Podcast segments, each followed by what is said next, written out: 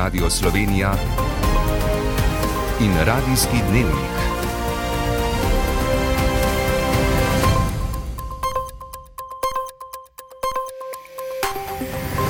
Ura je 18 in 30 minut. Lepo pozdravljeni. Nova predsednica republike Nataša Pirc Musar je od predhodnika Boruta Pahorja do povdne v predsedniški palači prevzela posle in tako uradno začela petletni mandat. Prvi dogodek za njo v funkciji predsednice bo deležba na nocojšnji proslavi pred dnevom samostojnosti in enotnosti, za prvo uradno pot v tujino pa načrtuje turnejo po Zahodnem Balkanu. V oddaji tudi o tem. Državni zbor potrdil referendumske izide. Zakonu o RTV napovedana ustavna presoja. Del dohodnine lahko še do konca meseca namenimo različnim organizacijam. Slovenske božično-novoletne smrečice so prijaznejše do okolja kot uvožene, sporoča Zavod za gozdove. V prihodnjih dneh bo oblačno in razmeroma toplo, ponekod rahov dež. Z vami sva Lidija Hartmann in Tomaš Polak. Desetletno obdobje predsedovanja Boruta Pahorja se je s predajo poslov Nataši Pirc Musar uradno končalo. Zdaj že nekdani predsednik republike je dopoledne zadnjič pregledal častno enoto slovenske vojske in predsedniško palačo prepustil svoji naslednici. Ob tem sta opravila krajši pogovor, primo predaje pa so se udeležili člani kabinetov obeh, prispevek Jureta Čepina. Po včerajšnji zaprisegi nove predsednice pred državnim zborom je bila na sporedu le še predaja poslov, s katero je Nataša Pircmusar tudi uradno začela svoj petletni mandat. Posebni ceremonial se je začel s prihodom Pirc Musar in njenega soproga Aleša Musarja pred predsedniško palačo, kjer je nova predsednica kot vrhovna poveljnica slovenskih obramnih sil pregledala častno enoto slovenske vojske. Pri vhodu v palačo je sprejel Borod Pahor s partnerko Tanjo Pečar, na to je sledil krajši pogovor v zlatem salonu, zunaj pa se je zbralo nekaj mimoidočih, ki so si ogledali protokolarno predajo poslov. Mm, zanima se to za politiko, da bi vedel, kaj bi pričakoval od nje. Predvsem to, da uresniči svoje besede. To čakamo in to se veselimo. Tako da srečno. Se je pa pred predsedniško palačo zbralo tudi nekaj predstavnikov protestne ljudske skupščine, ki so pred vrata palače simbolno prinesli papirnato gnilo banano in pahori očitali, da se je ob ključnih trenutkih premalo krat oglašal in da ni bil predsednik vseh državljanov. Povsem drugačno oceno pahorjevega mandata je podala vlasta Nussdorfer, ki je doslej upravljala funkcijo svetovalke predsednika republike. Je pa seveda posebno slovo.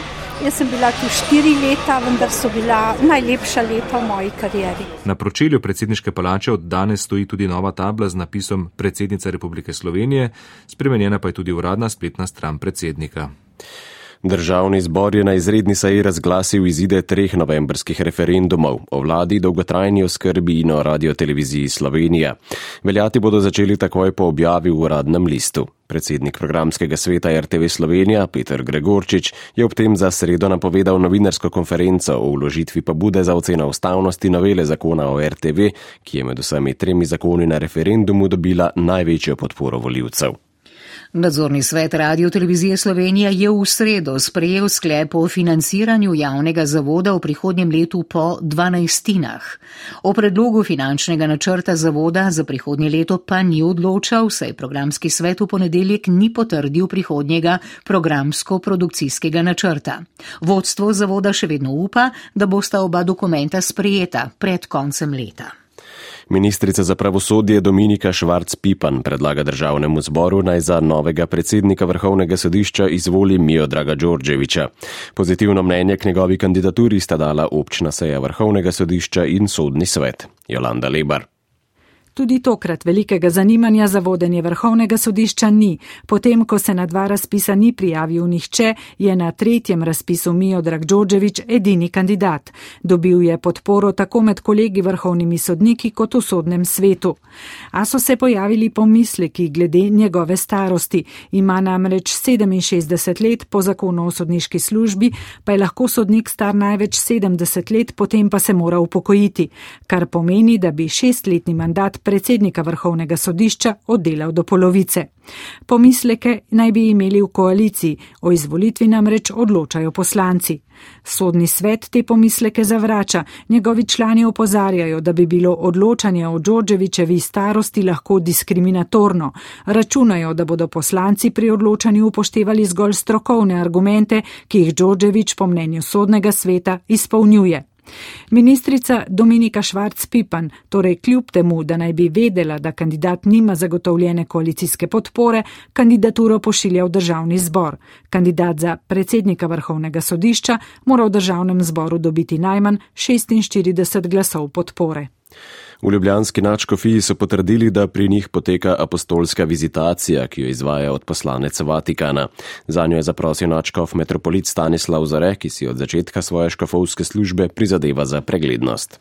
Kot navaja načkofija, se je v zadnjem obdobju pojavljalo več ugibanj in očitkov o preglednosti njenega poslovanja. Zore je za vizitacijo zaprosil z namenom, da bi poslovanje preverili neodvisni zunani strokovnjaki.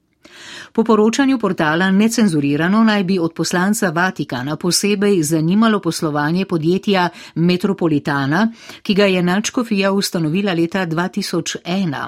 Podjetje upravlja s 15 tisoč hektarji crkvenih gozdov in zemljišč na Pokljuki, Jelovici in v Zgornji Savinski dolini.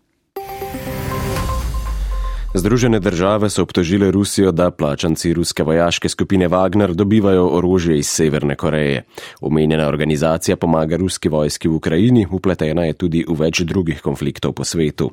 V Pjongjangu so zanikali ameriške obtožbe. Blašer Menc. Po ameriških trditvah je zasebna vojaška skupina Wagner postala rivalski center moči ruski vojski in drugim ruskim ministerstvom. V Ukrajini naj bi delovala neodvisno od ruske vojske, dobavitelji orožja za boj svojih plačancev v sosednji državi pa išče po vsem svetu, tudi v Severni Koreji. Po besedah tiskovnega predstavnika ameriškega sveta za nacionalno varnost Johna Kirbyja je Severna Koreja minuli mesec dostavila ruskim plačancem rakete in izstrelke, ki jih uporablja pehota.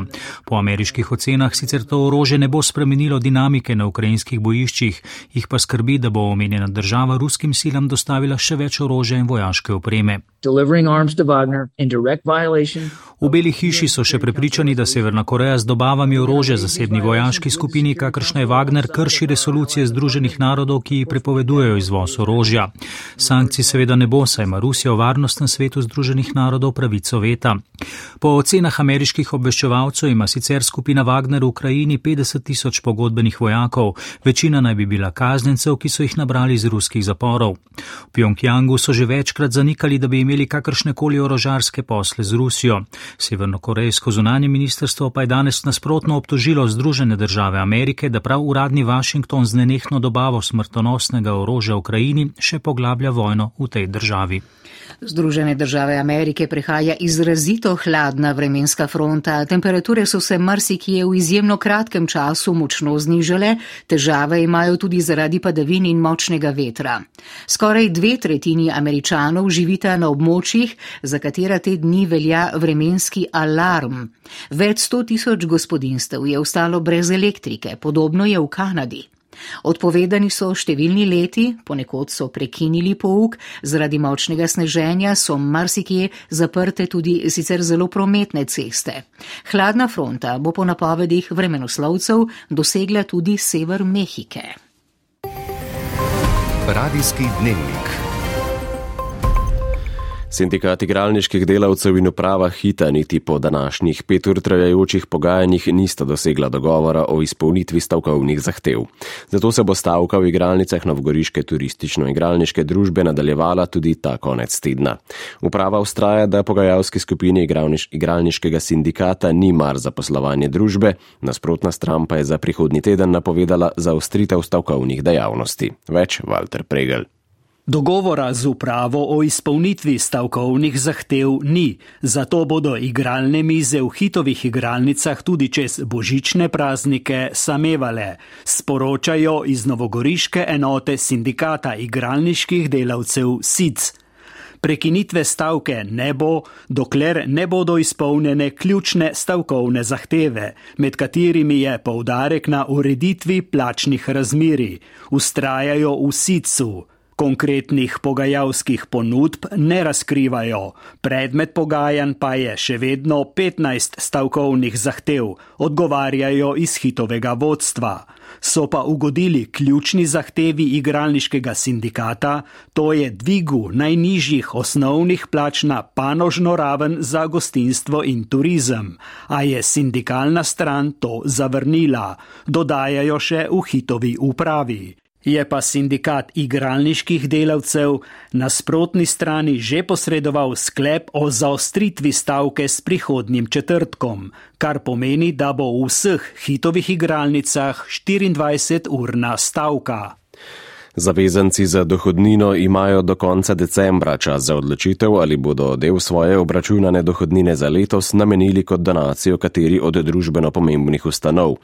Da svoje celotne dohodnine ne bodo prepustili državnemu proračunu, temveč bodo del namenili eni ali več organizacijam, se je do zdaj odločilo več kot pol milijona zavezancev. Lani je ta donacija dosegla 12 milijonov evrov. Prispevek Sare Zmrzlak. Namenitev dela dohodnine za donacije v ničemer ne vpliva na vračilo ali doplačilo dohodnine. Lani se je tako v proračun vrnilo 11 milijonov evrov nedodeljenih donacij, pot opredelitve pa je enostavna, razlaga stojen glavač iz finančne uprave. Najlažje lahko zavezanci del dohodnine za donacije namenijo elektronsko prek sistema e-davki. Posameznik se lahko odloči, da samo enemu upravičencu nameni do en odstotek, lahko se pa odloči, da največ desetim nameni po ni celih en odstotek. Prvi na seznamu prejemnikov so rdeči noski. Upravičencev do donacije nekaj tisoč, seznam pa vključuje tudi številne iz Maribora in okolice. V humanitarnem društvu Upornik so tako lani iz tega naslova prejeli več kot 38 tisoč evrov, razlaga Boris Krabonja. Prvenstveno gre za to, da lahko eh, mesečno skrbimo vse te naše odjemalce, kar se tiče hrane in pa položnic. Več športnih društev s prejetimi donacijami skrbi za razvoj mladih športnikov, med drugim tudi v Alpskem smučarskem klubu Branik, doda Gregor Letnik. In ta sredstva gredo potem v program, torej v razvoj mladih športnikov, smučarske šole. K akciji pa so aktivno pristopili tudi v kulturno-umetniškem društvu Moment, pove programska vodja Nika Bezeljak kar ne moremo iz javnih sredstev pokriti za delo ljudi, da potem to nudi javnosti, je v bistvu to bistven del eh, lastnega prihodka. Seznam družbeno pomembnih ustanov je dostopen na spletnem mestu finančne uprave. Enkrat že vložena zahteva velja za nedoločen čas, novo pa vložite v primeru, da želite svojo odločitev spremeniti in donacijo nameniti komu drugemu. Pred Ljubljansko mestno hišo je bila tradicionalna prireditev, s katero so spomnili na požig številnih knjig slovenskih protestantskih piscev, ki so jih na ukaz tedanjega škofa Tomaža Hrena zažgali prav tam na današnji dan, leta 1600. Zgorelo je približno 2000 prvih slovenskih knjig. Predsednik slovenskega protestantskega društva Matjaš Gruden je na dogodku upozoril na neodzivnost Ministrstva za kulturo glede Trubarjeve domačije. Ta bi morala biti, po njegovih besedah, romarsko središče in katedrala slovenskega naroda pa nima urejenega kulturnega statusa, nima finančne pomoči, njenega obiska ni v šolskih programih. Pred božično-novoletnimi prazniki tradicionalno okrašujemo smrečice. Lokalno posekana mlada drevesca iz gozdov ali drevesnic morajo biti med prevozi in prodajo označena z nalepko zavoda za gozdove. Ta je letos rožnata. Velika prednost slovenskih smrečic je v tem, da imajo najmanjši oglični odtis in ne predstavljajo nevarnosti za vnos tujerodnih žuželk in bolezni, ki bi lahko ogrozile gozdove. Na pogled so sicer lepše tujerodne vrste okrasnih drevesc, ki jih ponujajo v trgovskih centrih prispevek Jrnej Kedrolec. Zavod za gozdove Slovenije vsako leto za predpraznično prodajo smrečic izdaja nalepke, ki zagotavljajo, da so bile posekane v skladu z merili stroke. Letos je bilo natisnenih 25 tisoč nalepk, 3 tisoč manj kot lani, to število pa že vrsto let upada. Samo povpraševanje po naravnih drevescih pa se v zadnjem času sicer povečuje, a kupcem so privlačnejše bolj košate tuje rodne vrste iglavcev, kot sta kaukaška jelka in srebrna smreka. Prednost slovenskih okrasnih drevesc ni v izgledu, pač pa kot pravi Katja Kunc iz sektorja za ukrepe na Zavodu za gozdove Slovenije. So pridelane v Sloveniji in imajo najmanjši oglični odtis. S tem, ker so lokalno pridelana, ne predstavljajo nevarnosti za vnos tujerodnih žuželk ali bolezni, ki bi lahko ogrozila naše gozdove. Zrasla so brez dodatnega vlaganja vode in energije in brez pesticidov. Pridobivanje okrasnih drevesc iz narave pomeni nego gozdov in zaustavljanje zaraščanja travniških površin. V zadnjih letih je po praznikih opaziti vedno več odvrženih drevesc ob gozdnem robu v bližini naselij. Stroka je zaskrbljena odlaganje odsluženih okrasnih drevesc v naravo, vzgojenih sploh izven Slovenije, ter drugih organskih odpadkov iz vrtov, predstavlja nevarnost za vnos bolezni v gost. Da gozdov ne bi ogrožali, odsluženo drevesce skurimo v peči ali razrezanega oddamo v zabojnik za bioodpadke, večjega pa odpeljemo na center za zbiranje odpadkov in še v večno mesto Rim. Tam je skoraj vse nared za jutrišnjo praznično mašo in nedeljski papežev blagoslov v mestu in svetu. Za vrhunsko ukrasitev bazilike svetega Petra so znova poskrbeli slovenski cvetličarski mojstri in gojitelji cvetja. Njihovo delo je spremljal Janko Petrovec. Rano sredino jutro je, ko v vrtnarijo Vatikanske države pripelje slovenski tovornjak. V njem božične zvezde treh velikosti. Donacija vrtnega centra Jehart iz Šmartna pri Slovengracu. V Rim jih pospremi Barbara Jehart. Začeli smo z vzgojo božičnih zvezd že v začetku julija. Vzgojili smo same rdeče barve, ker je bilo takšno navodilo iz Vatikana. Vzgojili smo jih nekje tisoč samo za Vatikan, tako da bojo krasile to lepo baziliko. Ne? ne gre samo za slovensko donacijo cvetja. Baziliko svetega Petra so vatikanski vrtnari tudi tokrat okrasili pod vodstvom floristke Sabine Šegula. Aranžmaj, predvsem glavnina seveda slovenske božične zvezde, skoroške, malo jih bomo popršili z belimi vrtnicami in pa dodali po zlato. Zlata bo pač v obliki asparagusa ali eukaliptusa. Za Šegulovo in njenega sopotnika Petra Ribiča je to že deseti božič v Vatikanu. Gre za eno drugačno preživljanje teh praznikov. Je pa res, da na ta način ne preživljava praznikov neposredno iz družino, pa vendar potem nadoknadimo v ostalih dneh, ki še sledijo, ko se vrnemo domov. Nekaj posebnega bo letos tudi okrasitev bazilikine lože, s katere bo papež v nedeljo podelil blagoslov mestu in svetu. Poleg orhidej bodo tam slovenski netreski in grički, ki so jih mojstri oblikovali s pomočjo posušenih grčavih trtnih vej. To dopoldne, ko smo obiskali baziliko svetega Petra, je bilo cvetje po večini že nameščeno, ponosa s pričo upravljenega dela ni manjkalo. Po boju z zahrbno boleznijo se je poslovil Aleš Doktorič, dolgoletni predsednik Goriškega zavoda Kino Atelje, ki je pomembno zaznamoval zamejsko filmsko in širše kulturno okolje, poroča Primorski dnevnik.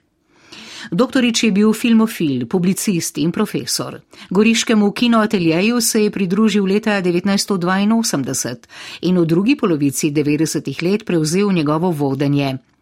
Kinoatelje je utrdil kot središče medkulturnih in čezmejnih filmskih in audiovizualnih projektov.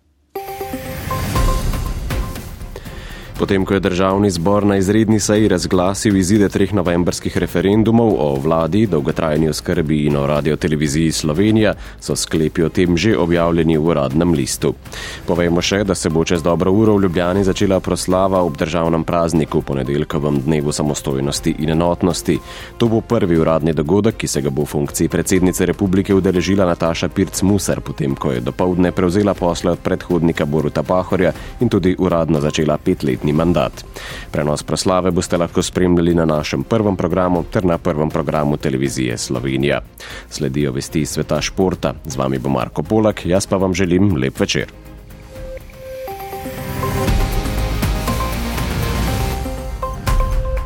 Večer pred prazničnim koncem tedna ponuja zgolj peščico športnih dogodkov, med temi izstopajo košarkarske tekme elitne Eurolige in druge Jadranske lige. V regionalnem tekmovanju druge kakovostne ravni se domžalski Helios, še edini neporažen v ligi, meri s pelisterjem iz Bitole. V najelitnejšem evropskem tekmovanju pa se je prav tako šele dobro začela prva od štirih današnjih tekem 15. kroga. Ta ponuja vroč carigrajsko-atenski derbi med Anadolu Efesom in Panatinajkosom. Bayern s slovenskim organizatorjem igre Žanom Markom Šiškom gostuje v Litvi pri Žalgirisu, med zanimivejšimi slovenskega zornega kota bo še zadnji nocojšnji dvoboj med Valencijo in Barcelono, za katero igrata Klemen Prepelič, ki je član Valencije, in Mike Toby, ki od letošnje sezone nosi dres katalonskega ponosa. Onkraj Atlantika bo pestro v nočnih urah po slovenskem času, je pa spletna stran lige NBA objavila seznam kandidatov za košarkarsko hišo slavnih. Med temi so Dirk Novicki, Pau Gasol, Tony Parker, Dwayne Wade, še vedno aktivni trener moštva iz San Antonija Greg Popovič in številna druga slovita imena. Finalisti tako imenovanega razreda 2023 bodo razglašeni na tekmi zvezdnikov lige 17. februarja, dokončen seznam bo znan 1. aprila, medtem ko bo slovesnost v Springfieldu, kjer je hiša slavnih, šele 12. augusta. Mednarodna kolesarska zveza je spremenila kriterije, ki odločajo o uvrstitvi in izpadu iz svetovne serije. Danes so potrdili, da bodo skupne in etapne zmage na najbolj slovitih dirkah po Franciji, Italiji in Španiji izdatneje ocenjene. Bistveno več točk bodo po novem prinašale tudi kolesarske klasike Milano Sanremo, dirka po Flandriji, Pariz-Rube, Liež-Baston-Liež in dirka po Lombardiji. Više točke za zmago bodo tudi na olimpijskih igrah in svetovnih prvenstvih. Spremembe so odziv Mednarodne kolesarske zveze na kritike in zahteve kolesarjev in moštev, saj je zdajšnji sistem omogočal, da so tekmovalci na drugo in celo tretje razrednih dirkah zbrali več točk, kot bi jih z etapno zmago na italijanskem džiru ali francoskem turu. Za konec še k benzinskim športom. Na novinarskih konferencah sta se danes predstavila motorista, ki bosta nastopila na reliju Dakar 2023. Ta se bo z uvodnim, kratkim prologom začel na zadnji dan letošnjega leta, sicer pa se bo po 14 etapah končal 15. januarja. Na 45. izvedbi, četrti v Saudski Arabiji, bosta slovenske barve branila Simon Marčič v razredu brez podpore ekipe in Toni Mulec, ki bo imel podporo nizozemske ekipe HT Rally Raid. Poslušali ste radijski dnevnik, urednik Niko Robav, voditelj Tomaš Polak, napovedovalka Lidija Hartmann, tonski mojster Boštjan Repanšek.